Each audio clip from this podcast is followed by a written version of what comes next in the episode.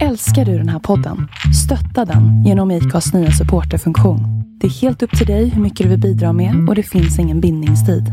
Klicka på länken i poddbeskrivningen för att visa din uppskattning och stötta podden.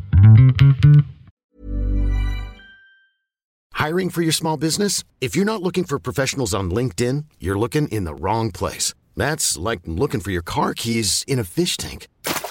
LinkedIn helps you hire professionals you can't find anywhere else, even those who aren't actively searching for a new job but might be open to the perfect role. In a given month, over 70% of LinkedIn users don't even visit other leading job sites. So start looking in the right place. With LinkedIn, you can hire professionals like a professional. Post your free job on linkedin.com slash achieve today. Ever catch yourself eating the same flavorless dinner three days in a row? Dreaming of something better? Well, HelloFresh is your guilt-free dream come true, baby. It's me, Kiki Palmer. Let's wake up those taste buds with hot, juicy pecan-crusted chicken or garlic butter shrimp scampi. Mm. Hello Fresh. Stop dreaming of all the delicious possibilities and dig in at HelloFresh.com. Let's get this dinner party started.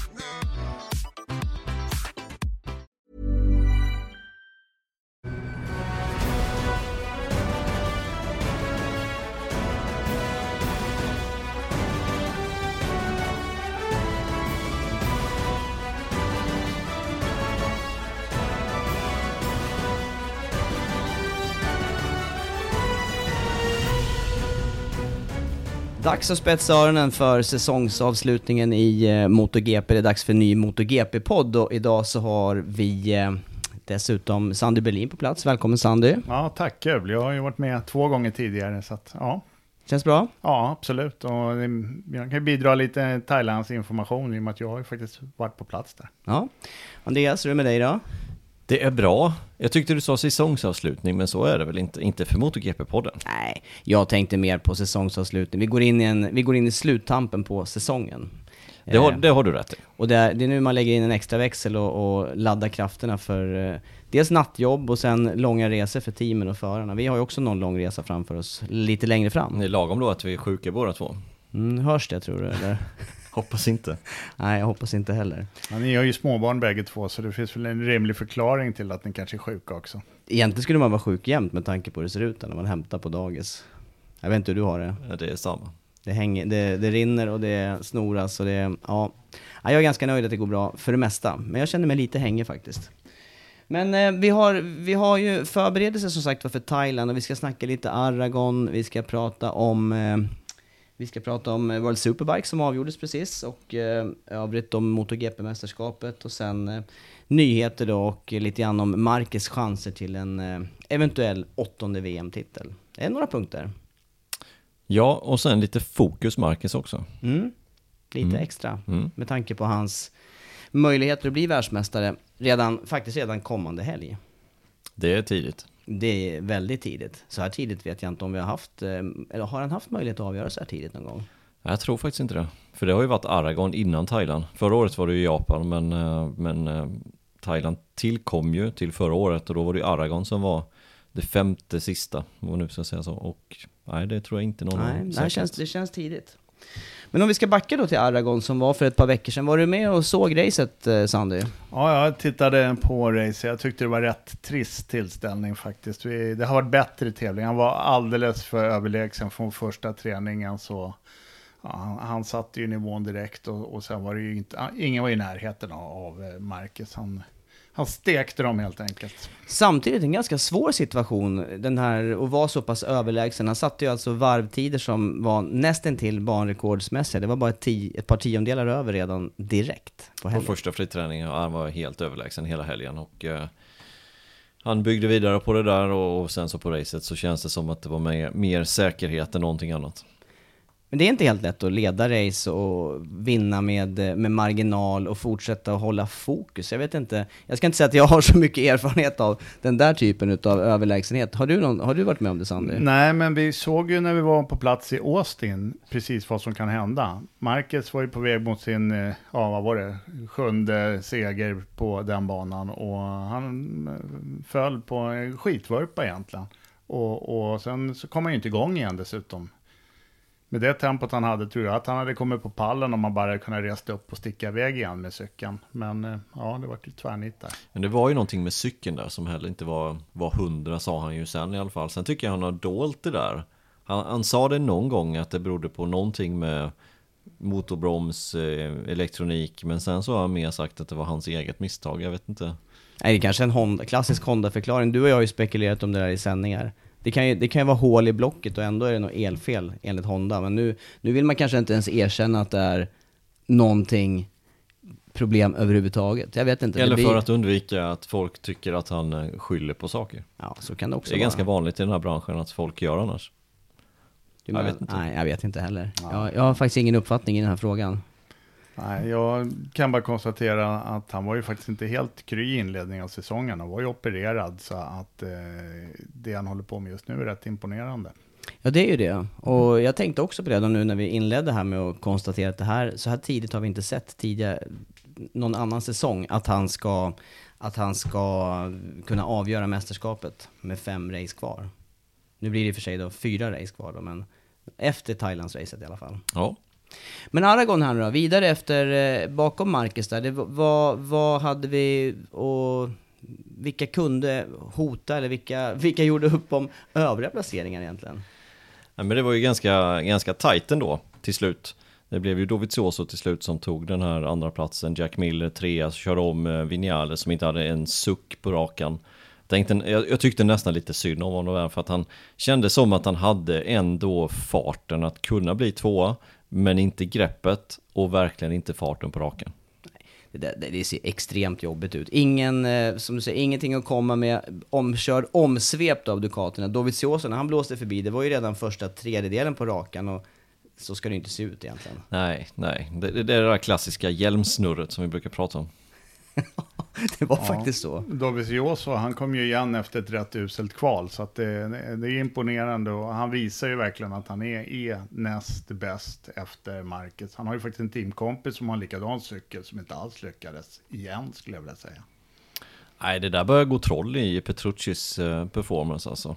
Jag börjar bli lite orolig för hans del. Nu har det varit fyra, fem race som har varit riktigt, riktigt dåliga från hans del.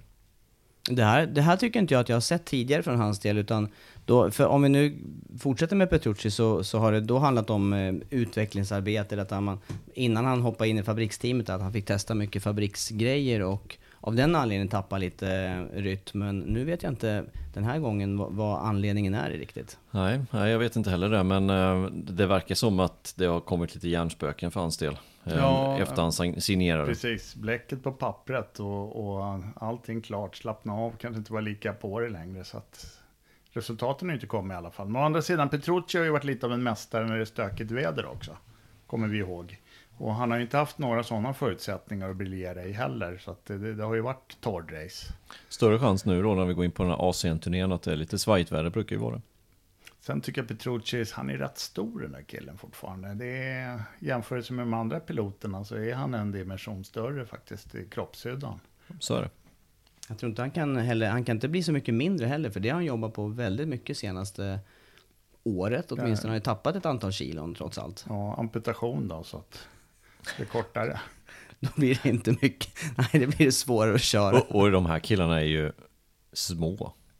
Alla är ju små. Petrucci han är ju, han är ju liten jämfört med mig. Och jag är ju inte jätte, jättestor. Nej, och jag känner mig ju, jag är ju liten och jag, jag känner mig ju stor i det här sammanhanget. Så att, ja visst, är, det, det ska vi komma ihåg att de är ur, urläget, eller grundläget så är de ju små. Det får man ju faktiskt säga.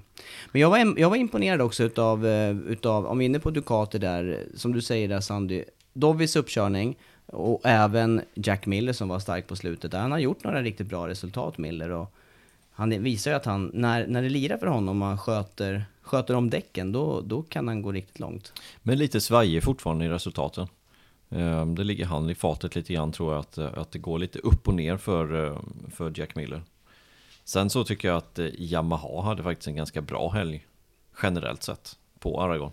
Men det blir tydligt att det just är toppfarten som Ja. är det stora, det måste de jobba med. Och, och det sa vi under sändningen där med att det, det är ju inte positivt för Yamaha att rakan ligger precis i slutet på varvet. Det är mycket bättre att ha den i början på varvet i så fall, för de har ju hela vägen att, att ta ikapp den här tiden. Nu hade de ju inte en chans. Nej precis, det hade ju kunnat vara som eh, Argentina till exempel, där det är långrak i början och sen är det krokiga partier på slutet. Ja, exakt. Det hade varit en annan, Ja, en annan femma. Nej, det, det, det var helt klart eh, Marcus Elg från start till mål och bara han som kunde förlora det här racet. Vi ska inte heller glömma faktiskt Aprilia hade framgångar. Det var ju faktiskt eh, en sjunde plats. Det är väl det bästa han har gjort i år, Espargaro. Och förra året var han ju också med bra på den här banan. Det, det känns lite märkligt ändå. Aprilian känns inte som någon snabb cykel, men, men, men här matchar ju Yamaha mer än väl. Men det, just på Aragon så verkar den fungera väldigt, väldigt bra. Han hade ju sin egen teori runt det där, Aleix Sparger, och just att man bromsar mycket under nedlägg och att, att eh, just det gör att greppet bak sitter och att det blir stabilare inbromsningar.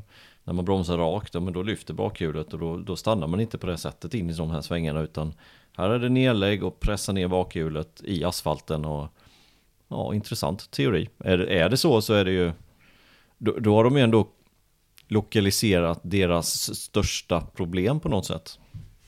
Skulle vara roligt om de, om de lyfter sig så pass att det går att utmana KTM. KTM som hade urtung helg med Espargaros skada, Paul Espargaros skada. Ja, och så Kallio dessutom då som fick ersätta, men jag tycker han gjorde det bra, Mika Kallio, men det blev inga poäng till slut då, men eh, Paul Espargaro som kraschade, var det under FP4 som han kraschade på kalla däck såg det ut som, ner i kurva 9 där, chikanen och, och slog sig också och bröt armen. Det verkar som att han ska köra nu i helgen. Ja, det är, det är tidigt. Och jag är lite, lite förvånad över det där faktiskt, att han ska upp i sadeln så pass snabbt. Två veckor efter, efter krasch och fraktur. Men det, det var ett brott, det var inte bara en spricka i, i handledsdelen där. Och, Ja, ja, vad är det för skillnad? Smärtan är ju ungefär densamma på något vis. Ja, jag vet, jag vet faktiskt inte, men eh, det kan ju inte ha varit så allvarligt.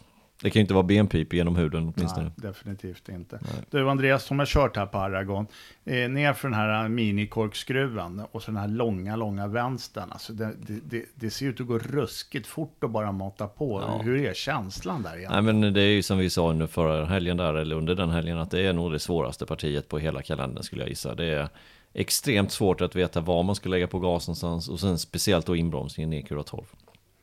Och så lång acceleration under mycket nedlägg också. Ja, det är det. Det är Det är också en svår faktor. Ja det är det.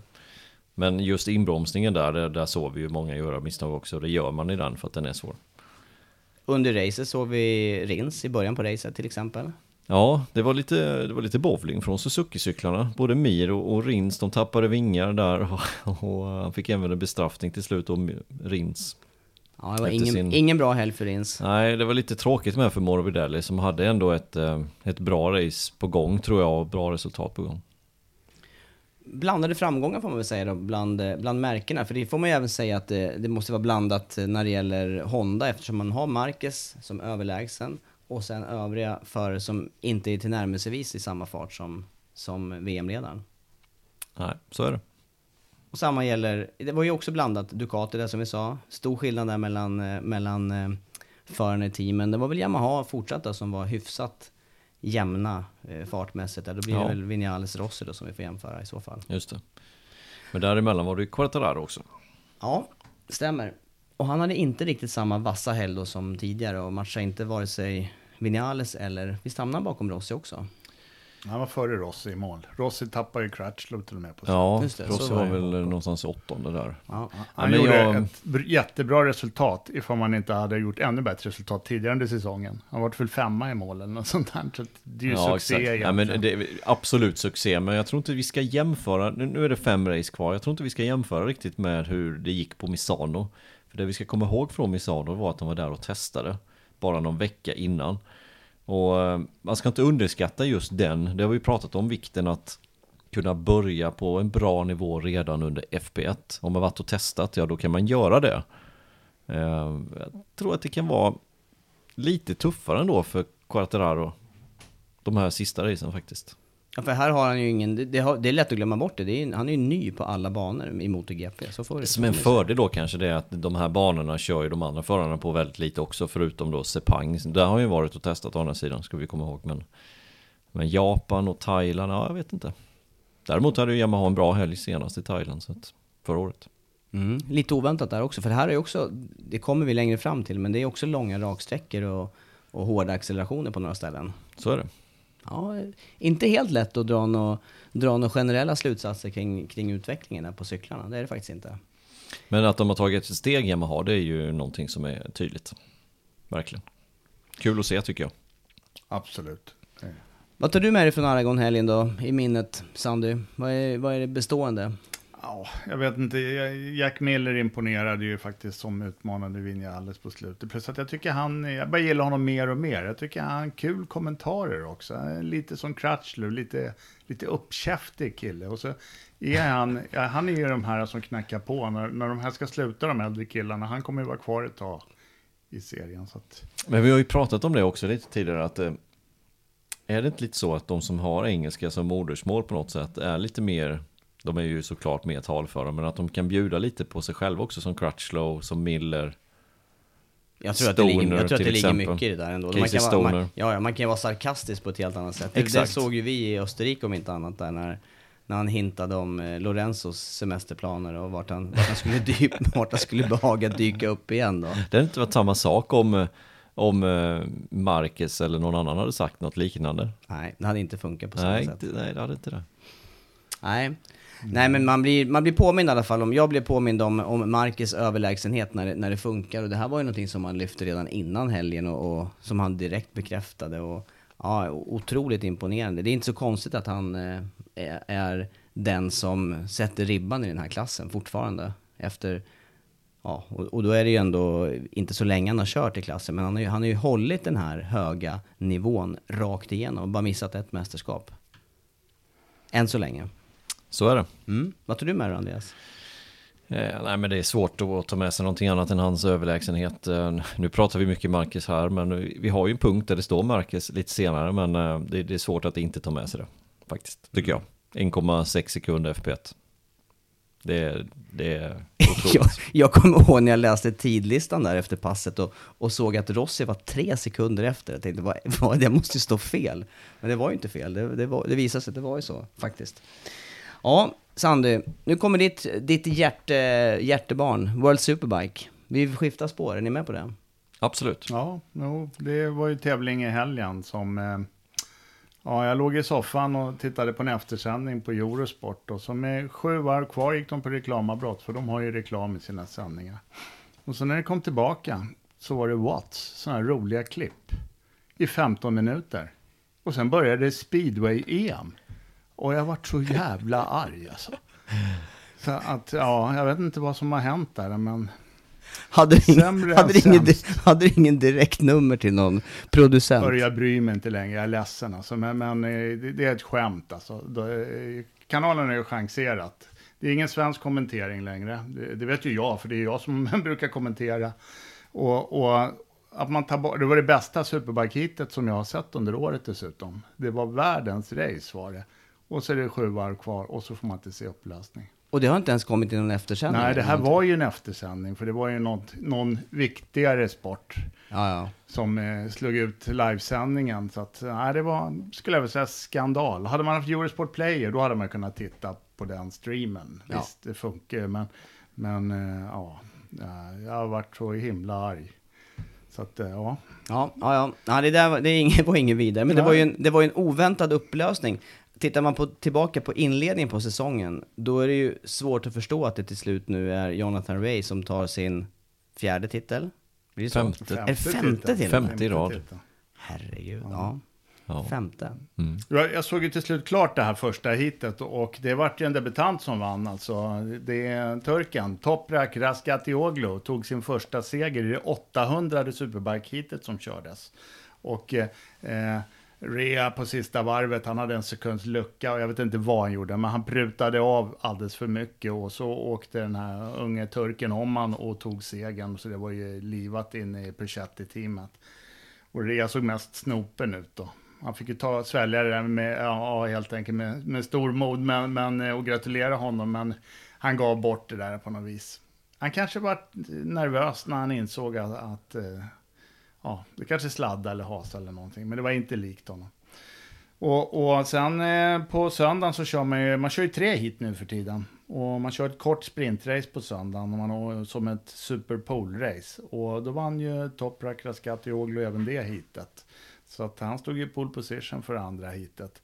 Och där gjorde han istället bort sig och, och kraschade framför Bautista som körde på honom så att bägge gick omkull.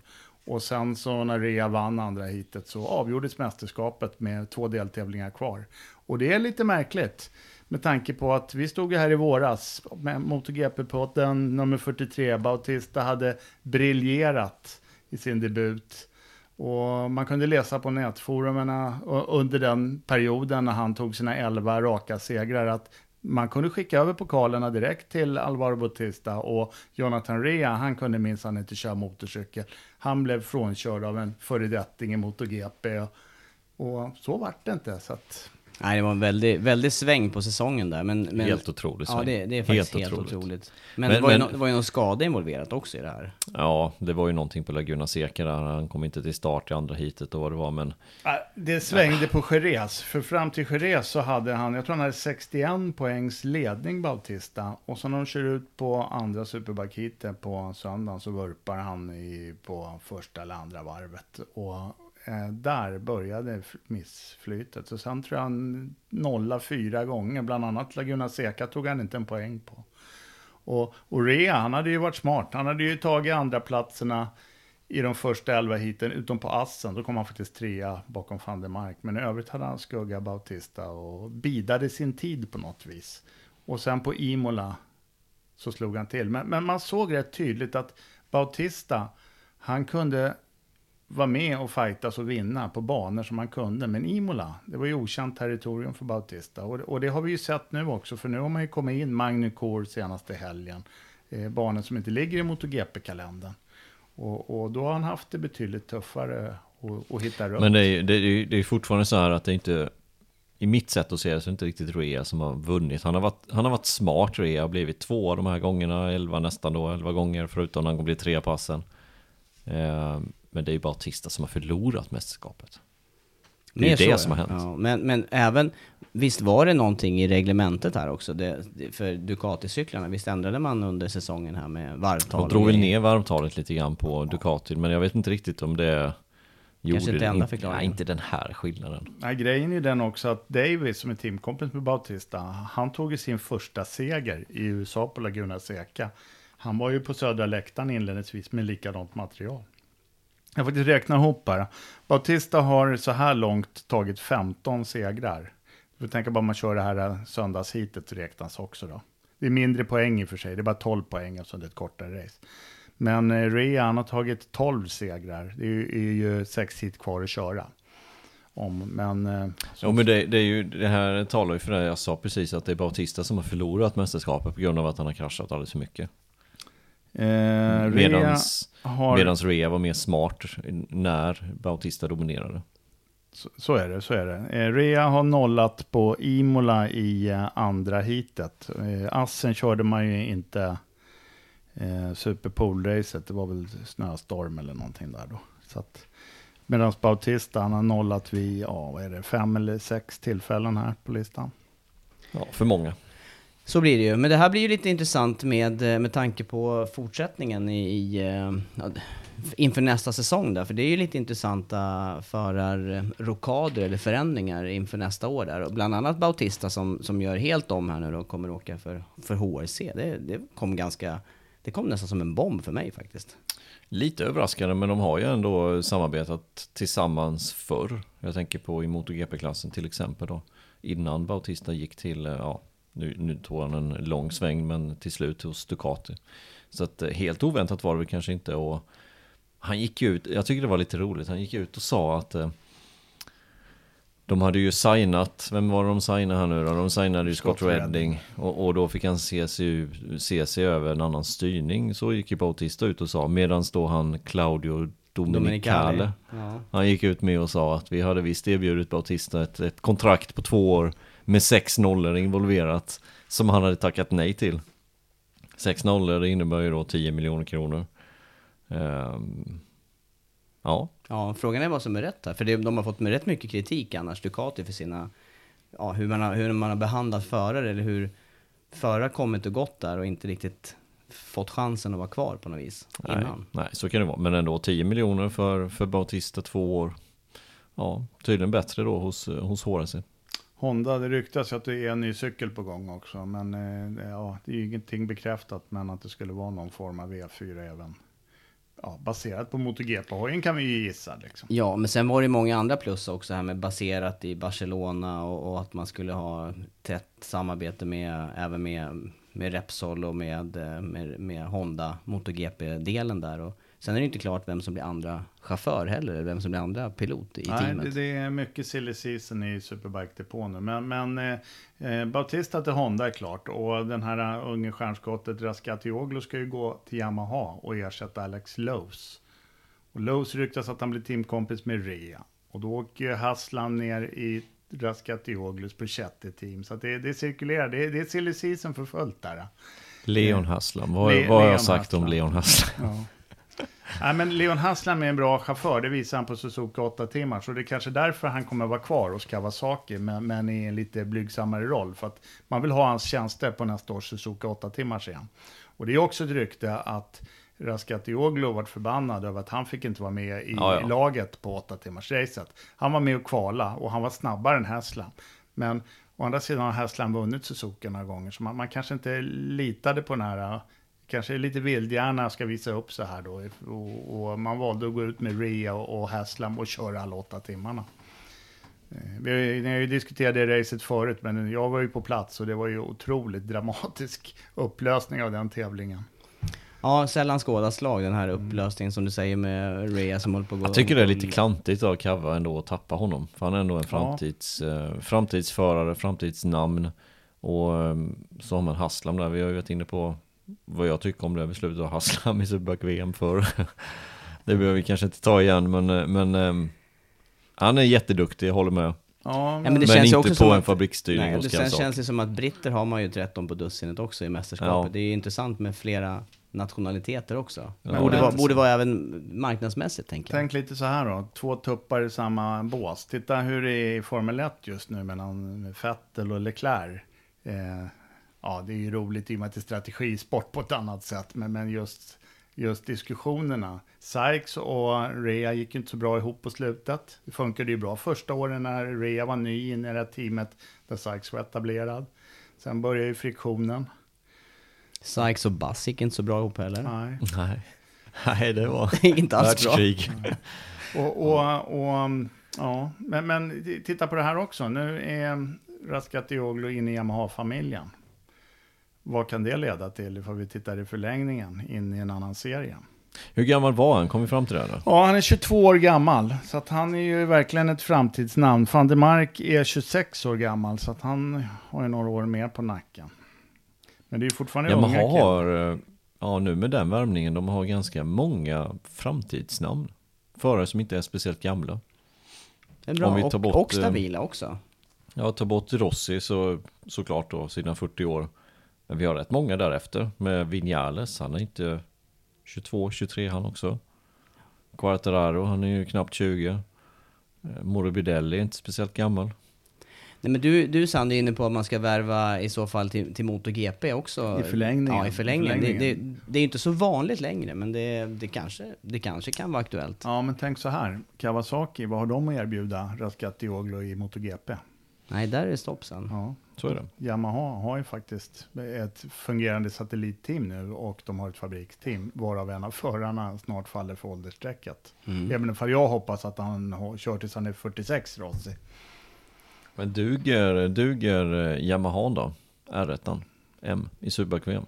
Får Ja, vinna och på. Det är ju frågan, för i helgen, det var ju, det var ju de bästa Superbike-heaten här på Magnyko. Du har ju kört där Tobbe, så du hittar ju runt den banan. Jag kör Och- 24 timmars där. Ja, och, och jag vet inte ifall den här Adelaide-hårdnålen, den här hårda inbromsningen, men, men det var ju otroligt bra race. Men, och van der Mark körde nästan hjulen av den där cykeln, han la sig till och med i det första hitet. Så att jag fick en känsla av att den inte riktigt räckte till. Men, men eh, ja, de utvecklar ju som sagt var. Det kommer ju, har ju kommit några nya uppdateringar på den där R1. Så att, eh, plus att Superbiken, de är ju lite mer och utjämnar. De drog ju ner varvet på Ducatin som ni nämnde tidigare. Och, och eh, alla ska kunna vara med i toppen. Honda gjorde bra resultat. Jag tror Camio var, var sexa eller sjua i första hitet. Som, han har varit skadad och gjorde comeback och gjorde ett av Hondas bästa resultat i år. Det var ju lättare att säga det jag, när jag åkte, eller det har ju du också gjort den resan då, Superbike här hemma var ju ändå, det är ändå baserat på standardhojar. Man hade ju bättre koll på under den eran vad de här små skillnaderna bestod i på hojarna där. Men, men jag håller ju med dig, det, det kan inte vara många, det kan inte vara många heatsegrar vi har räknat in för Yamaha under, under den tid den nyaste r Nej, nej, absolut inte. Van der Mark vann ju dubbelseger på Donington förra året och Lowstra vann i Brno. Eh, och sen har, sen har det ju varit tunt med segrar. Det är väl van der Mark som har tagit någon mer här i år. Kanske någon passen eller? Ja, han vann i Jerez, andra hitet vann ju van der Mark i år. Så att, eh, men i övrigt Sen är det tillbaka till 2009 och Ben Spies. Mm, visst är det så? Ja, han var ju dominant faktiskt.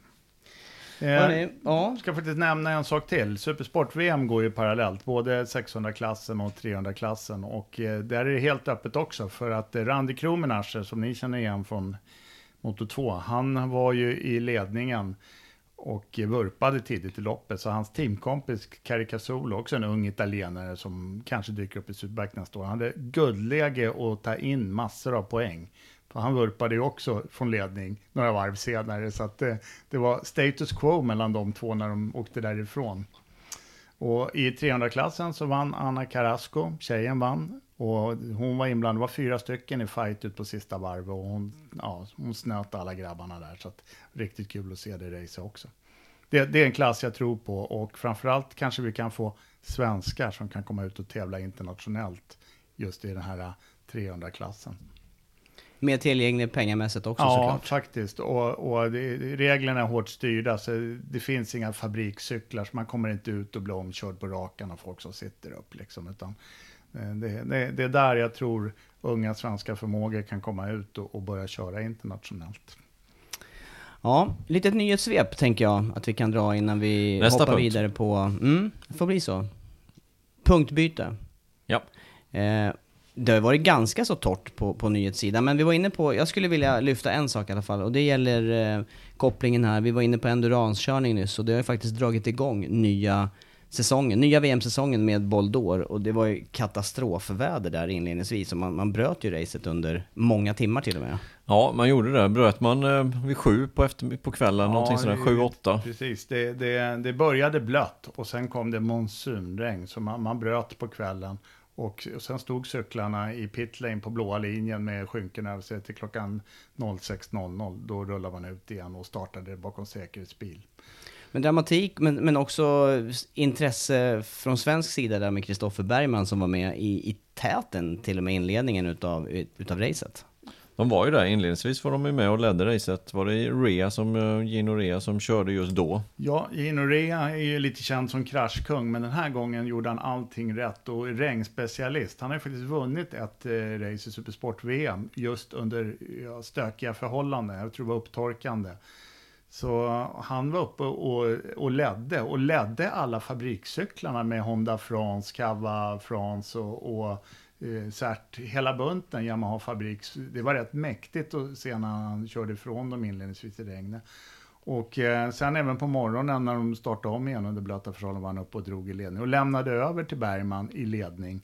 Som jag tror vart omkörd, men sen återtog ledningen. Så att vi hade alltså Kristoffer som högst upp på resultatlistan snurrade ute på, på Boldor. Och, och det är värt att säga också att det är en, en bruten säsong här, så att det här är alltså första deltävlingen i 2019-2020 års mästerskap. För finalen går alltid på Suzuka, man vill ha den där.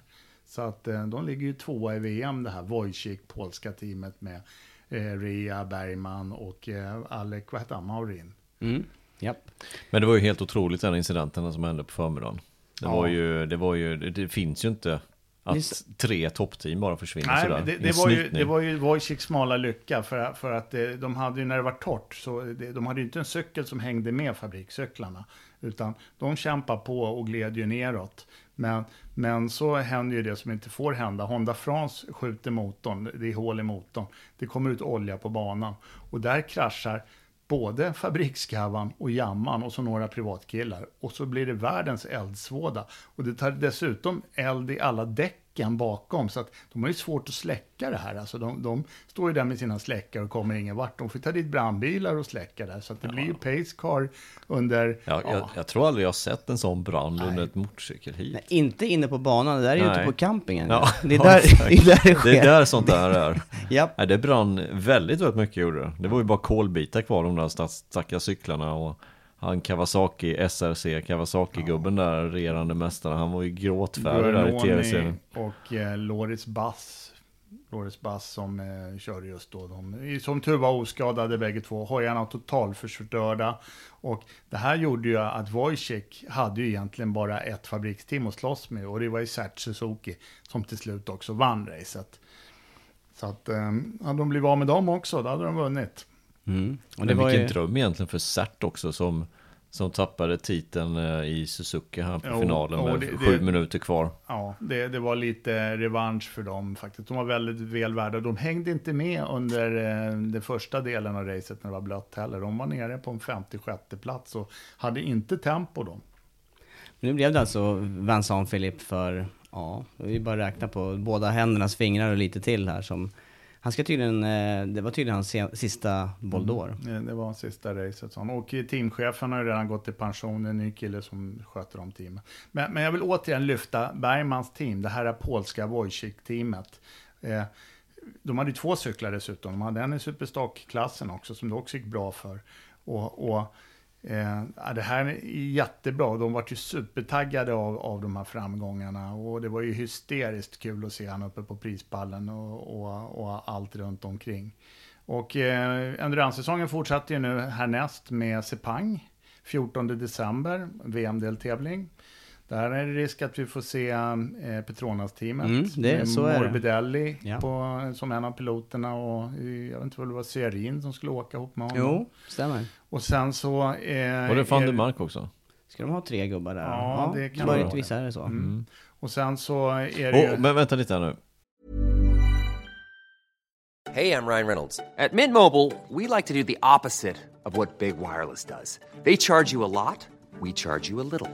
So naturally, when they announced they'd be raising their prices due to inflation, we decided to deflate our prices due to not hating you. That's right. We're cutting the price of Mint Unlimited from $30 a month to just $15 a month. Give it a try at mintmobile.com slash switch. $45 upfront for three months plus taxes and fees. Promo rate for new customers for limited time. Unlimited more than 40 gigabytes per month. Slows. Full terms at mintmobile.com. Ever catch yourself eating the same flavorless dinner three days in a row? Dreaming of something better? Well, HelloFresh is your guilt-free dream come true, baby. It's me, Gigi Palmer. Let's wake up those taste buds with hot, juicy pecan-crusted chicken or garlic butter shrimp scampi. Mm. Hello Fresh. Stop dreaming of all the delicious possibilities and dig in at HelloFresh.com. Let's get this dinner party started. Hey there, it's Michelle Norris. I'm host of a podcast called Your Mama's Kitchen. When I travel, I'm usually looking for a way to find a taste of home when I'm not at home. And one of the things I love to do when I am at home is entertain. And Airbnb allows me to do that. When I was in California recently, I rented a house that had a great kitchen. And when we were sitting around the table, we we're all thinking, we're in someone else's house. Someone could be in all of our homes as well. If you have a home, but you're not always at home, you have an Airbnb. Your home might be worth more than you think. Find out how much at airbnb.com/slash host. Stopp. Det här ingår i VM-serien, det är en ny, VM, ny täv- deltävling då. Mm, Det, det är 2019-2020 Ja, års säsong. absolut. Ja, Men det är första gången de två. kör. Ja, just Ja. det. Mm. Ja, den här har de aldrig kört på Sepang ett enduranslopp tidigare, vad jag vet. Det spekulerade du och jag om. Vi var ju osäkra på om det var i Vi VM. visste inte jag det. Trodde, men det- jag det- trodde det var ett eh, separat Nej, race det, bara. det är Ja, VM. Det, Ja, men det är kul. deltävling två. Och sen så är deltävling tre, det blir ju Le Mans i april. Så det är ju, men, men det är det man har velat. Man har ju velat bryta säsongen för att kunna köra race på andra sidan jordklotet när vädret tillåter. Nu är det Sepang. Vad är det som säger att det inte går någonting kanske i Australien? Castrol Six Hours. Mm. Det vore ju häftigt. Ja.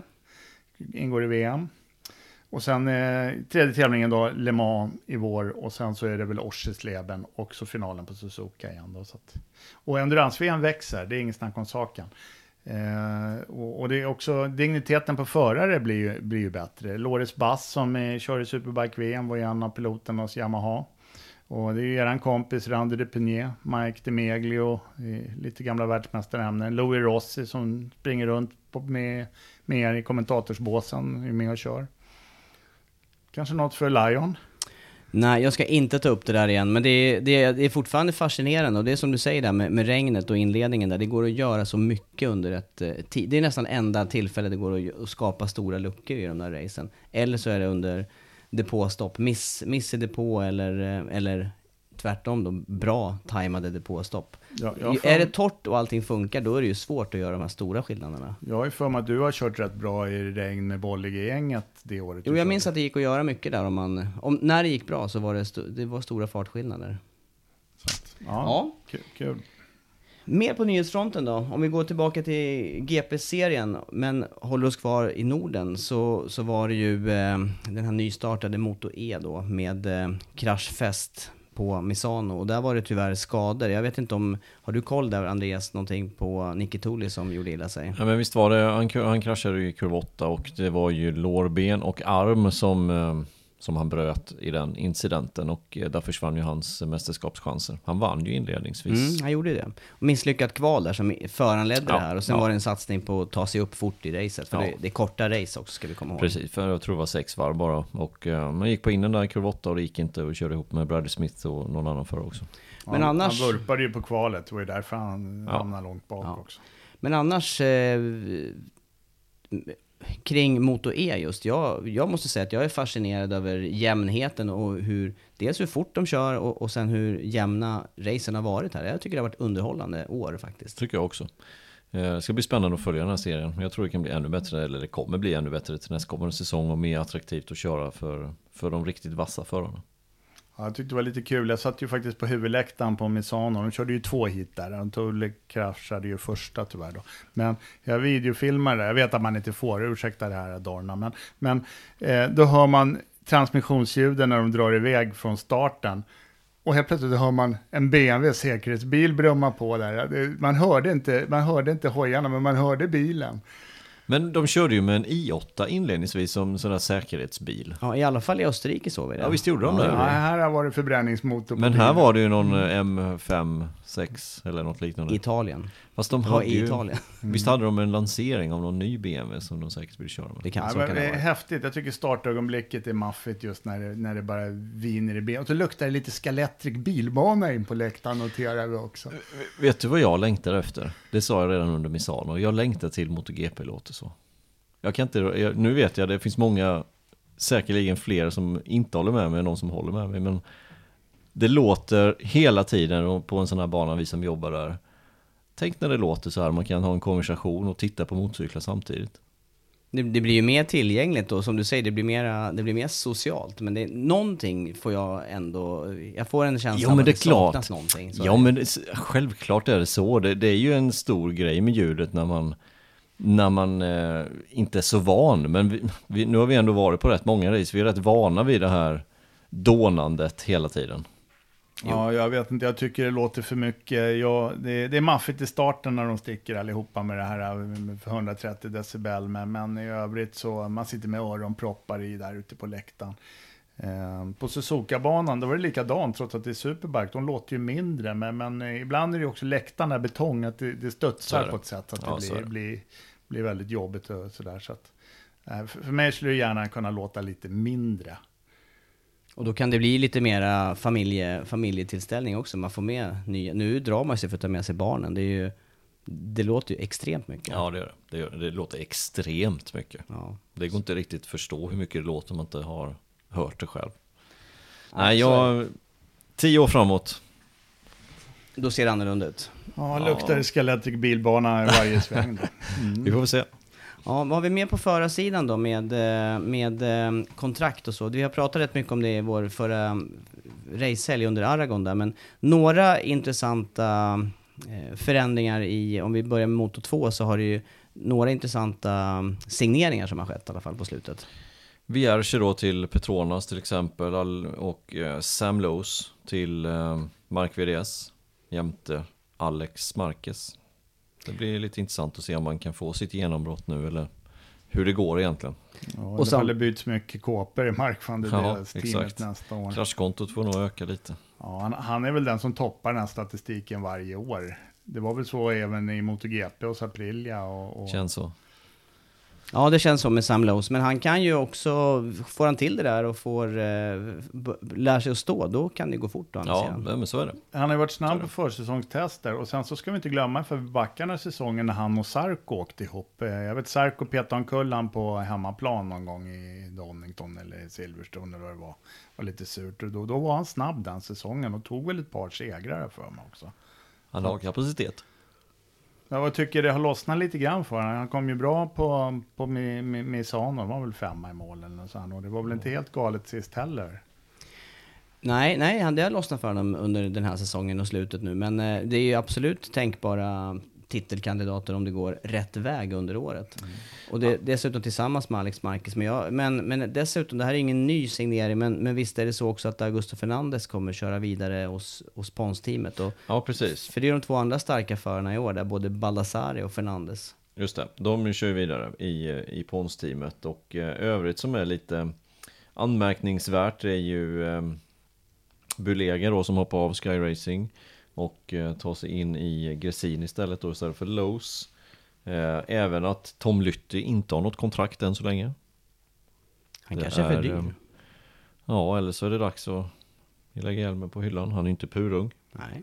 När, när var det han varit världsmästare i 125? Det var ju före Kallio. 2005. Ja, det ser en tag sedan.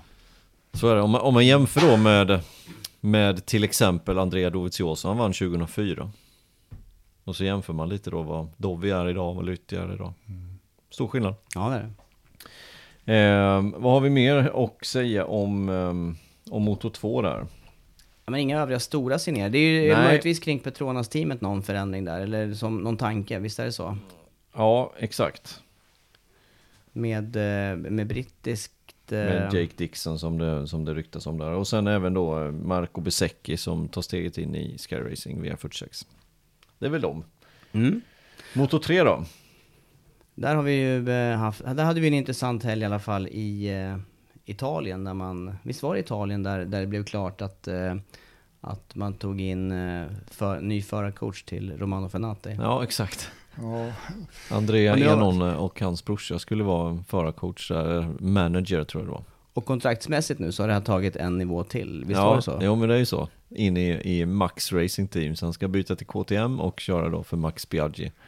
men, men du har inte alla de här grabbarna i rätt brokig bakgrund? Har de inte haft lite svårt att tygla sina humör? Andrea? Enon, eh, Romano Fenati och Max Biaggi. Och sen är det också en, en spanjor som var i hetluften tidigare i år, som ska exakt. köra som andra förare här. Alonso Lopez då som körde Mark VDS, eller som kör Mark VDS, han, han fick ju starta från pitlane efter Brno-racet, det måste ju varit i Österrike då han fick starta, just för att han hade då hamnat i handgemäng i samförhållande med sin teamkompis, Ja, eller ja, det ja. var någon funktionär eller vad det var. Men, men du, om vi tar det här i kronologisk ordning. Ma- Ma- Max Biaggi, han och Rossi slogs ju någon gång här på 2000-talet. Ja. Eh, eh, någon kom upp med, med något rivsår eller någonting och de fick skaka hand på nästföljande race. I Janone, vad var det han gjorde? Skallade inte han någon Och det var på? Misano, det var han skallade Paul Espargaro och, och hota hela Spanien efter det. Spanska maffian. Ja, det var han, det, var- alltså den skyldige hotade ett annat land. Ja. ja, det var han själv som hade orsakat den här Japp. kraschen i sista svängen. Ja, Romano Fonati behöver väl inte berätta vad han hittar på för hus. Han fick sparken i VR46, han drog i bromshandtaget åt Stefano Mansi förra året och fick kicken. Och, och så nu är han sista figur här, ja, i, i, i, och, vad heter han då? Lopez. Alonso Lopez. Som slogs med sin teamkollega i Det är som Ja, en hel obsklass ska bilda team här.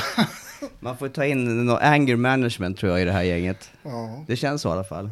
ja eller så. Ja men intressant ändå, jag tycker, jag tycker det är lite roligt måste jag säga. Det kan ju vara så, det är ju matematik det, minus och minus blir plus till slut. Så att det Ja. kanske är så man tänker. Och, och, och dessutom så har de ju Canet i år, som också är eh, lill gangster. Ja, faktiskt. Han har ju inte gjort så snygga grejer heller. Nej, det har han inte gjort. Nej. Ja, vi- följer det här med spänning. Om vi säger Ja, det gör Det vi ska bli intressant. Det kanske blir det här teamet som ingen törs, eh, törs kaxa mot överhuvudtaget. Nej. Bad, bad boys. Vinner, vinner rent hela säsongen. Ja, det är faktiskt spännande. Det här, den här såpan fortsätter. Ja, det, det är- det det här är faktiskt. faktiskt bland det Ja, det, roligaste det, som har det, är, skett. det är faktiskt en rolig sak faktiskt. Ja, Ja.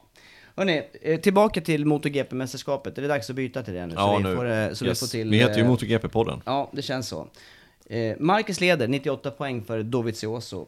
Vinales, trea fortfarande. Där är lite jämnare sen bakom, men eh, det är ju Marcus och Dovi som det står om inför Thailand nu då. Och eh, Thailand såg vi förra året. Det var just de två, etta, tvåa. Och sen var det ett dubbelt Yamaha bakom. Eh, vad, behöver, eh, vad behöver Marcus göra nu för att säkra mästerskapet först och främst? Ja, men han behöver ju, han har ju 98 poäng precis som du sa, han behöver ta två poäng mer än Dovizioso. Och eh, vinner han så är det klart, blir han tvåa och eh, har Dovizioso bakom sig så är det lugnt. Eh, och så är det ju ner till, vad blir det, sjunde plats, någonstans där. Då skiljer det ju mer sen. Ja, det känns ju som att det är upplagt, upplagt läge att göra Ja, och avgöra ja. här. Ja, Ja, plus alltså- att mästerskapet är ju redan klart. För att du ska, Ja. ingen ska ju tro att Dovizioso kommer vinna alla tävlingar som är kvar, även ifall Marquez skulle bryta armen på första tävlingen. Det, det är ju för jämnt mästerskapet helt enkelt. Ja, nej men alltså det är ju bara en, en tidsfråga. Det är ju 25, 20, 16, 13, 11 så att ja, det, det, det är ju kört för de andra, så enkelt är det. Eh, Det är bara en tidsfråga innan han kommer säkra. Men är han före då vi på söndag så är han ny världsmästare. Mm. Varför är han så bra för Marquez då? Vad är det som gör honom så Ja. exceptionellt Ska vi ta det i sista punkten här, som handlar om Marquez? Ska vi prata om Thailand först? Ja, det kan vi göra. Det, det kan väl jag berätta lite grann om. Ja, jag, exakt. jag har ju faktiskt varit där. Eh, Jag var ju där förra året på det första MotoGP. De har ju kört Superbike-VM där under tre säsonger. Så att organisationen hade ju slipats till. Och, och föraren var ju väldigt nöjda med upplägget. Men vi, vi flög alltså till Bangkok och eh, övernattade där och innan vi tog eh, från eh, lokala Don Muang-flygplatsen inrikesflyg till Buriram, som är en jätteliten flygplats. Och när vi kom dit var det stora Honda med Marquez och Pedrosa och Vinales och Yamaha och Rossi stort där på flygplatsen. Jätteliten flygplats. Och så var det för en halvtimmes bilresa bort till Buriram som är, är staden. Och eh, banan är ju kanonfin. Den ligger ju tillsammans med en fotbollsarena så att man kan säga att de delar parkeringsplatser. Så är det 100 000 på fotboll eller vad det nu rymmer arenan, 50 000 på fotboll eller 100 000 på MotoGP så använder man samma tillfartsparkeringar. Så att det är alla evenemang samtidigt där. Men var du lika, för, lika förvånad som jag då, förra året eh, över kvaliteten på racet i MotoGP? För just Superbike-VM där, de racen som gick innan, de, det var inte så jämna race. I alla fall var inte mitt minne av det, utan det var inte den här uh, sista svängen uh, avgörandet, utan...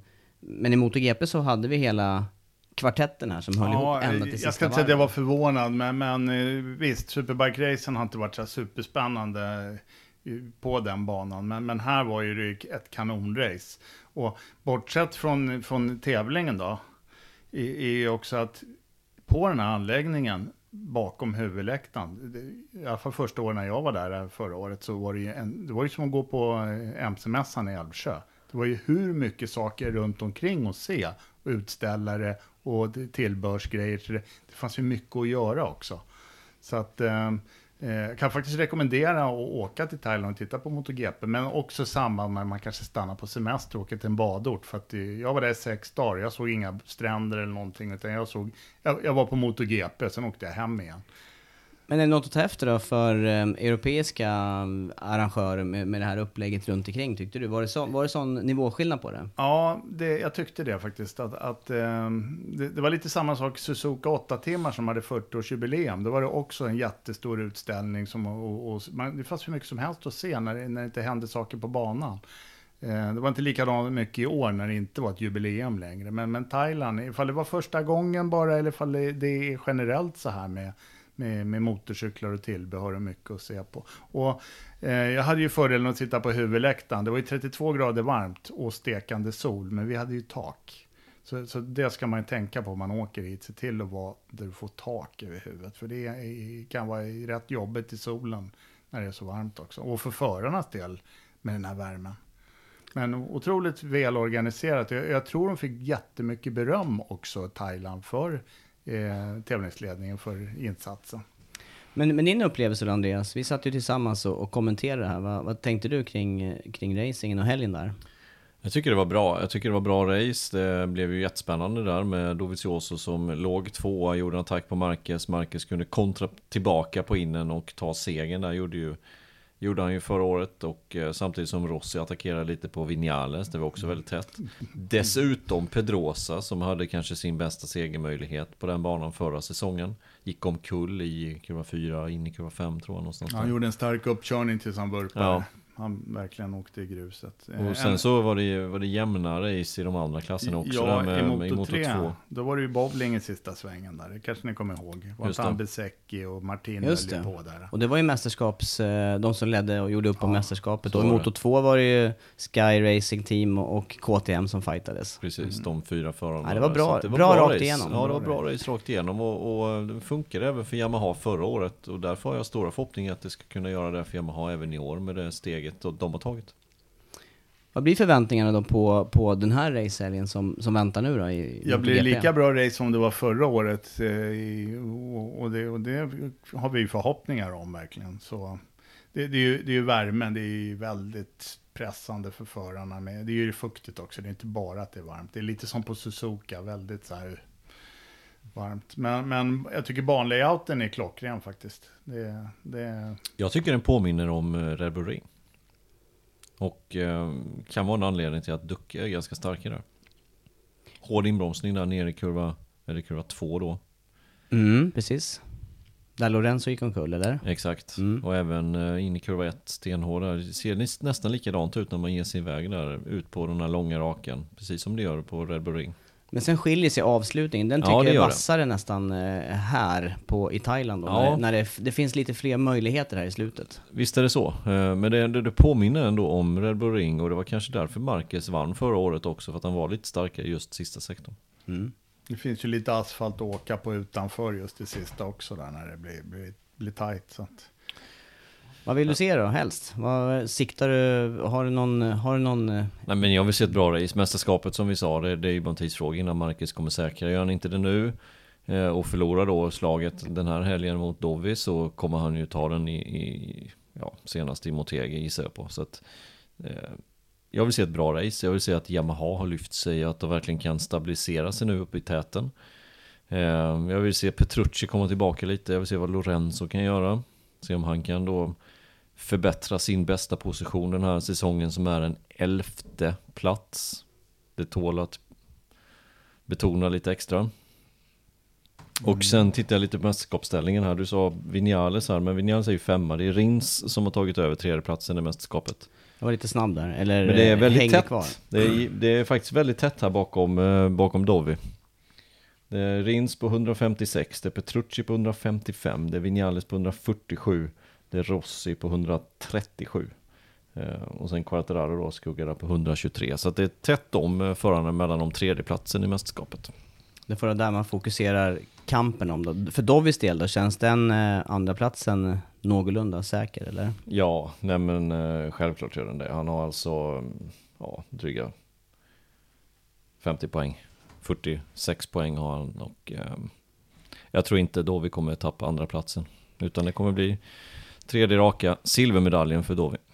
Ja, jag hoppas på race som, som kan, eh, där, där förarna nu kan släppa lite, kanske inte den här helgen redan, men, men det, vi går in i den delen av säsongen där det, om då Marcus blir klar världsmästare, sen fortsätter i och för sig kampen om placeringarna bakom, men, men att man är lite mera eh, race för race, eh, att, att förarna tänker lite mer race för race, så att det kan bli jämna och spännande race hela vägen in till, till finalen i Valencia faktiskt. Det är Och- väl Phillip Island, det är ju ofta roliga race. I Thailand, där fungerar ju alla hojarna såg vi förra året. Phillip Island brukar ju Ducke historiskt ha lite trassel med. Och, och sen Malaysia, det, där kommer ju ni vara på plats också. Det kommer ju bli spännande och ni har väl aldrig varit på den banan förut? Nej, det blir nytt. Det blir helt nytt. Så att det, blir, det blir himla spännande att se. Jag tror spännande resa dit. Med fem ungar och fyra vuxna. Det kanske är det som är det mest spännande. det är det jag menar. Ja, faktiskt. Nej, fortsatt liv i mästerskapet får det gärna vara efter helgen, men, men med san, stor sannolikhet så är det ju inte så, utan jag ser fram emot jämnt race, återigen. Men du, Andreas och Sandy, sista punkten. Mark Marquez. Han kan alltså säkra mästerskapet redan med fyra race kvar och i praktiken så känns det som att mästerskapet redan är hos honom. Det, det, är, Ja. mycket, det är väldigt mycket som ska till om det ska, om, om Dovi ens ska köra in de här poängen på fem racehelger.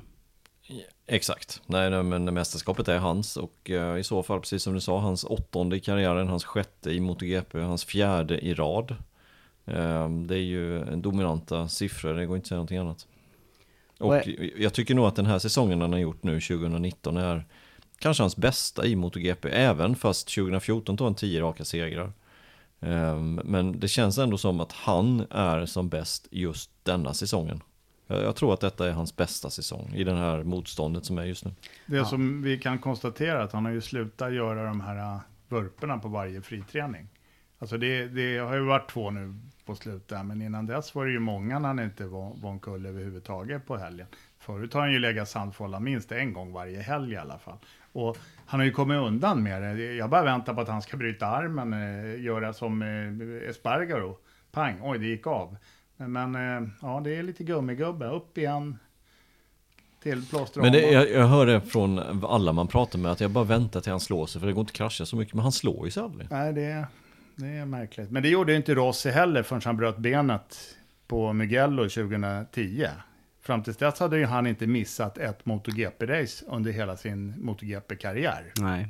Han har ju startat alla tävlingar. Ja. Men visst är det någonting med, jag tycker det var så tydligt exempel i våras där på Le Mans, när, när Marcus räddade, det var ju inledningen på helgen, han räddade ju den här som, som såg ut att vara en krasch på riktigt i Garörsvär på friträning. Och sen kommer Lorenzo och gör en väldigt liknande grej och han kraschar ju, han ser man ju att han ska krascha flera moment innan eh, Ja, så var det. Det var sån skillnad i själva förloppet där på samma, på samma kurva. Man kan väl konstatera så här, Mark Marquez har en förmåga som inte många andra har. Eh, Just att kunna åka, åka med, med de här nedläggen och de här framljussläppen och, och ändå kunna kontrollera dem. Han har ju någon känsla av att vrida tillbaka styret när det viker sig. Och, och, Eh, både du, alla, alla vi tre har fått framljussläpp och grejare, det, men, men det är ju hjärtat i halsgropen varje gång. Och, och det är ju mer tur än skicklighet. Jag menar någon gång så har jag ju medvetet vridit tillbaka styret och det har börjat greppa igen, men det är ju mer tur än skicklighet fortfarande. Men han verkar ju ha det här som en rutin att kunna åka och få de här framhjulssläppen och, och hämta hem dem. Ja, plus att han klarar sig utan skador då, men mycket är just också hur han sitter på cykeln och hur långt ner han är och hur långt in han är mot kurvan. Och det blir ju inte särskilt, många krascher blir ju inte särskilt många, det blir inte något fall egentligen, utan det är ju, han är ju redan i asfalten. Ja, tittar man på hans krascher så ser de ju likadana ut allihopa. Det är med fullt nedlägg i princip i inblåsningen. Och de är ju ganska odramatiska. Ja, det är väldigt sällan när han är upp och ner i luften som man ser bilder på Lorenzo ibland då, när, när, när fötterna Ja. pekar upp mot månen och, och tre meter upp. Utan nej, det är, det är lowsiders. Och det, det är väl hans smala lycka då, lite. Plus att han är rätt satt kille. Jag skulle tänka mig Loris Bass hjula av en cykel, då kan det ju gå av tentakler hur mycket som helst. Det är ju skillnad på 30-40 centimeter där på längden, minst. Ja. Nej men det, det är många faktorer där som gör Marcus, och jag är också inne på din linje där Andreas, att det kanske är hans bästa säsong sen han kom till MotoGP just med, det är färre misstag, det är ett jämnare motstånd och han, eh, han gör det här bara, han gör bara rätt hela tiden. Det är ju bara att titta på hans resultat här under året. Det är nollan som du nämnde där Sandy i USA och sen är det 1-2, 1-2, 1-2 hela tiden. Ja, Det går, det går inte att ro på en sån förare. Och vi nämnde det i inledningen också, vi visste ju inte hur stark han skulle vara, för han kom ju nyopererad till säsongen. Men, men det har vi inte sett någonting av. Han har inte varit hemma en sekund av det känns det som, utan han körde på som vanligt. Ja. Nej, men visst är det så. Men om vi, eh, om vi tittar lite framtid för Marcus då, det jag tänkte vi skulle diskutera. Vad, eh, vad tror ni framtiden? Eh, han har kontrakt över 2020. Sen går de flesta förra kontrakten ut. Vad tror ni att Marcus tar vägen? Vad gör han för någonting? Jag tror han sitter kvar i båten. Jag tror inte han kommer söka en utmaning som Rossi när han gick till Ducati bara för... Och jag tror Honda har råd att betala honom för att vara kvar i båten helt enkelt. Ja, supersvårt. Han verkar ju fortsatt vara motiverad att vinna. Det, det, finns, ju ingen, eh, det finns ju ingen svacka där. Eh, en säsong till då, och sen ligger egentligen, egentligen ligger ju allt öppet för hans del. Men eh, det, det finns ju så många exempel på där de här cykelbytena och teambytena har gått åt skogen också till och med för toppförare. Ja, Sarko till exempel, eller eh, Lorenzo nu senast då, eller svårigheterna som du nämnde där med Rossi och Ducati. Och det, är inte, det är inte bara att, och det är inte som, det är inte som eh, om man köper en gatcykel och man kan gå och provköra här, utan det blir, man köper ju verkligen grisen i säcken. Ja, nej men eh, Så, så, det är är det. Större, större chans, som du säger där Sandy, att han sitter kvar. Ska han prova något nytt? Ja, då, då är det ju i så fall så tror jag att han har någon eh, baktanke där kring att få med Alex Marquez på, på, på samma båt om man säger. Ja, ja, ja, det är ju en möjlighet. Det är absolut en möjlighet. Nej, men jag, jag För de är ju också- tajta som bröder menar jag. Att, de, Ja, men det är de. att han, eh, ja, beroende på vad Honda kan erbjuda, eller något annat fabrikat, att han skulle byta av den anledningen då. Yamaha kommer han inte gå till, det kan vi konstatera. Det, så låter det ju som Ja. i alla fall. Det, det kommer det inte bli. Eh, nej men jag är också inne på det att jag tror heller inte att han kommer att eh, flytta på sig. Jag tror han kommer vara kvar hos Honda. Och å andra sidan, vad har Honda för alternativ? De har ju inga alternativ. De, de får, det är som du säger där Sander, de får ju bjuda, de kommer ju få bjuda hur högt. Ja. Det, fin, det finns ingen limit för vad de kommer få betala för honom. Nej. Han, han vinner åt dem och de har Repsol i ryggen. Det, fin- det finns hur mycket pengar som helst att erbjuda honom samtidigt. Så att, eh, det, Och, och samtidigt är han ju värd det också på något vis. Ja, ryktet säger ju att han tjänar någonstans runt eh, 12 miljoner euro den här säsongen från, från Honda helt enkelt. Eh, sen har han ju sina egna sponsorer, Red Bull bland annat och, och säkert massa andra sponsorer. Eh, men, eh, nej, men jag tror också att de kommer få, de kommer få betala Marcus vad det, vad det kostar för att de är illa ute om inte Marcus kör en Honda. Riktigt illa ute. Dels släpper de en förare som skulle kunna vinna på vilket annat märke som helst i princip. Och, och dels har de typ ingen som kan köra Hondan med de tätpositionerna som man kan göra.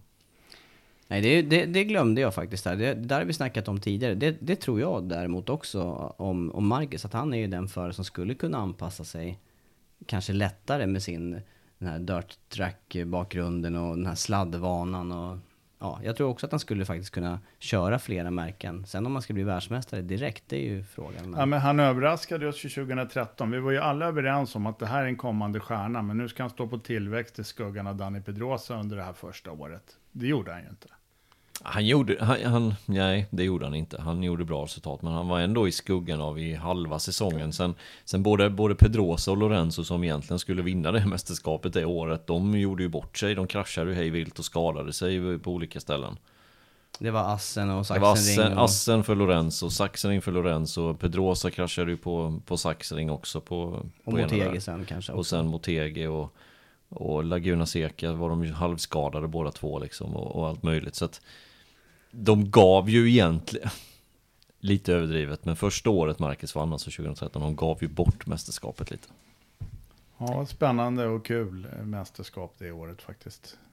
Det, gjorde, avgjorde på finalen när Lorenzo gjorde allt för att Marquez Ja, inte skulle han. nå den där tredje platsen som han behövde nå. Det gjorde han. Så att ja, Pedrosa till och med gjorde han det under det racet. Ja, nästan på gjorde han faktiskt det. Ja, det var, det var hårt, psykade Marcus i år, körde på bakhjulet sådär inför provstart och lite sådana psykningar höll Lorenzo på med det. Mm. Ja, ner tempot. Spännande. Nej, men eh, det, det, är, det är många saker sammantaget som gör Marcus så stor som han är. Men eh, jag är mer inne på din linje också Sander, att han sitter kvar och, och trissar upp lönen. Och sen tror jag att det är motivationen i slutändan som, som avgör hur länge han fortsätter åka. Du, en sak som jag är lite nyfiken på när jag ändå har er på tråden. Den här fejden med Rossi, har den klingat av?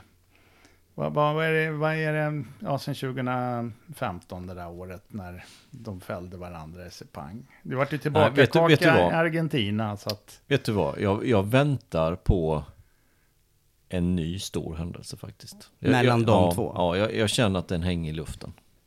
Och jag känner att den här gången så kommer Marcus inte vara så tyst som han ändå har varit senaste tiden. Nej, du tänker också efter, de, det blåste ju igång lite grann igen på Misano Ja, det gjorde jag. Det gjorde jag. Och Det då, gjorde det då, då var ju Marcus ganska tyst om läget. Rossi, ja, sa väl hans, vad han tyckte och alla hängde på. Men Marcus var ju mer tyst. Och eh, jag, bara, jag bara väntar på en, en ny stor händelse dem emellan och att Marcus helt enkelt går bananas och liksom får upp, upplopp för sina känslor för allting som har hänt de senaste fyra åren. ja spännande. Li, li, lite kul är det ändå att det blir såpopera även i motorsporten. Ja, jag står och funderar här. Det är, ja, Rossi vill ju inte, han är inte, han är inte pigg på att det är just Marcus som är den, den nya kungen på något vis. Och det har han ju varit ett bra tag nu. Ja, men så är det. Så är det. Och ehm, det är, på något sätt är det fel taktik att försöka psyka Marcus. Det, det funkar inte. Titta på, vi kan ta det bara lite generellt. Kolla på när Rossi försökte där ändå i Malaysia 2015. Och psyka honom och sa vad, vad han hade gjort på Phillip Island. Och sen gick det som det gick i det racet. Sen har han vunnit VM, Marcus, 2016, 17, 18, 19. Funkar rätt dåligt eller? Ro- Rossi varit listig som en rev tidigare, men den här gången bet han sig i svansen när han kom med det här utspelet att- att han hjälpte Lorenzo och verkligen anklagade honom för det. Och, ja. Men det tråkiga i det he- hela är ju sen svansen runt omkring där med, med fansen Ja. och buandet Ja, på det- pallen och ja. sånt där. Man, det där tycker jag tar bort, jag vet inte om, om du blickar tillbaka Sandy som har ännu längre bakåtperspektiv än vad jag har. Det, har inte funnits nej, för. det har det inte gjort. Det har det Men, inte gjort. men, men titta ändå på hans psyke där. Efter de här incidenterna 2000, i slutet av säsongen 2015, och han har ingenting med mästerskapet att göra, han blir trea i mästerskapet det året. Från det hatet som han fick där i slutet av den säsongen, av alla, han fick skaffa livvakt, och det var handgemäng med italienska mm, journalister och allt möjligt på hans gård och allt, allt vad det var. Från det, och komma tillbaka och vinna fyra raka titlar. Ja, starkt psyke, det är ingen snack. Det är extremt stark psyke. Extremt stark psyke. Mm, det är det faktiskt.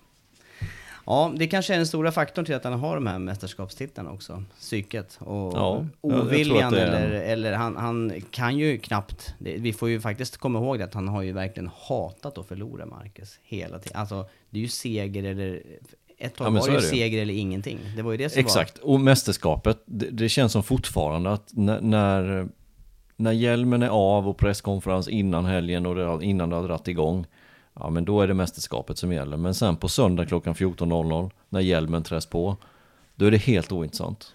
då är det bara att vinna. Då är det bara att vinna som Ja, gäller. det sa han ju själv ju, i någon sån här eh, intervju efter dig, så att jag, jag, jag borde ju tagit det lugnare, men, jag är ju Mark Marquez. Ja, så- nej men det är ju det. Han, han provar alltid. Den enda gången som jag, som jag har sett att han har gett sig, om man nu ska säga så, det var för två år sedan i Malaysia i regnet där när Dovizioso vann och Marcus blev fyra. Han kunde säkra mästerskapet då. Men istället så valde han den här fjärdeplatsen, det skilde 25 poäng till de kom till finalen och sen så, ja, blev det ju, då var det ju klart egentligen, men det, det var ju ändå spänning. Det är enda gången jag har sett honom tippa av. Ja, det kan ju finnas förklaring, kanske hade ont, det vet man ju inte. Liksom. Ja, eller så tänkte han på mästerskapet en gång av 200 starter eller vad han hade nu. Mm, ja. Ja, intressant. Vi lär ju få upplösningen här eh, sannolikt under kommande helg. Är vi Ja, redo? så är Är, det. är vi färdiga? Är vi uttömda nu i Ja men nu får, det, nu får det vara bra. Nu, nu vill jag... Ja, men Nu vill jag gå jag, live. Jag har en grej till er. Ni, ni är experter på roadracing generellt. I den här, på den här listan så har jag faktiskt ett namn som har startat, eh, det är Superbikes VM-ställning, ett namn som har kört i MotoGP i år. Vem är det? Ett namn som har kört MotoGP i år, Ja, utav som är dem med som... av de som har tagit VM-poäng i Superbike. Här. Uh, ledtråd. Han är från ett spagettiätande land. Hans motorcykel är röd. Han är polis. Ja, Pirro. P- ja, det Ja, där kom det. Ja, Ja, Michele Pirro har Mm. faktiskt tagit 10 poäng i Superbike-VM. Jag såg ju honom på Misano eh, nu sist när vi var där. Och, och lite, lite kul att en testförare ändå gör så bra ifrån sig som han gör. Jag vet kör, inte han ifall kör har... italienska mästerskapet också. Ja, ja, och Med- där kör med bra han i. Superbike. Ja. Mm. Ja, ja vi lär kanske få se mer av honom under, under säsongen. Jag vet inte om det är något mer inplanerat just för, Nej, för jag- Pirro. Tror inte det. Kanske finalen. Jag tror de bara får ha tre stycken wildcard. Är det inte fem? Nej, tre tror jag okej. I fabrikstycke. Ja. Okej, okej, det är I olika. Mm, ja. mm. Fem på de här utan konstitutionspoäng va? Med Winter. ja, exakt. Så kan det nog vara. Så Ja, kan det vara. KTM. Och det är ju KTM april. Ja. Ja. Sista fråga då innan vi avslutar den här podden. Ja, ja, och jag, Ja. Ska, jag ska också slänga in en sen. Ja, Vad ska du ska- käka till ska du också? Vad ska du käka till kvällsmat efter det här? Ananas. Säg, säg, säg din fråga nu, sen så ska vi avrunda. Okej. Eh, vem vinner i Thailand? Sandy. Eh, det gör Marquez. Vem vinner i Thailand, Tobbe? Det var svårt igen. Eh, jag, jag säger då, jag säger Dovizioso. Ja, nej, jag säger Marcus också. Mm, man kan säga så här, Thailand är ett Honda-land. Alla åker en liten kubb. Och, och det var kul att Marcus vann där, för att han hade mest fans på läktaren. Det, det är ett Honda-land med alla de här Honda-skotrarna. Ja. Ja, okej, jag sticker ut här då Ja, säger vad, vad vill du ha mer då? Du skulle ha sista ordet. det var just för att jag skulle käka till kvällsmat. För att bryta av. För att bryta av den. Nu kan inte jag hålla, nu kan inte jag hålla tråden längre. Jag är för trött.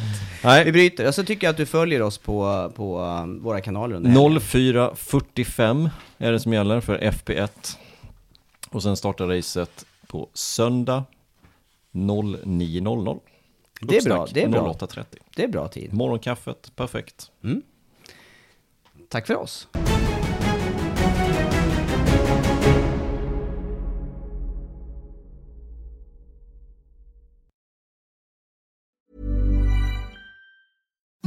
Imagine the softest sheets you've ever felt. Now imagine them getting even softer over time. That's what you'll feel with Bowl and Branch's organic cotton sheets. In a recent customer survey, 96% replied that Bowl and Branch sheets get softer with every wash. Start getting your best night's sleep in these sheets that get softer and softer for years to come. Try their sheets with a 30-night guarantee. Plus, get 15% off your first order at bowlandbranch.com. Code BUTTERY. Exclusions apply. See site for details. Hi, I'm Daniel, founder of Pretty Litter. Did you know cats tend to hide symptoms of sickness and pain? I learned this the hard way after losing my cat, Gingy. So I created Pretty Litter, a health monitoring litter that helps detect early signs of illness by changing colors, saving you money and potentially your cat's life. Pretty Litter is veterinarian developed, and it's the easiest way to keep tabs on your fur baby's health right at home. Go to prettylitter.com and use code ACAST for 20% off your first order and a free cat toy. Terms and conditions apply. See site for details.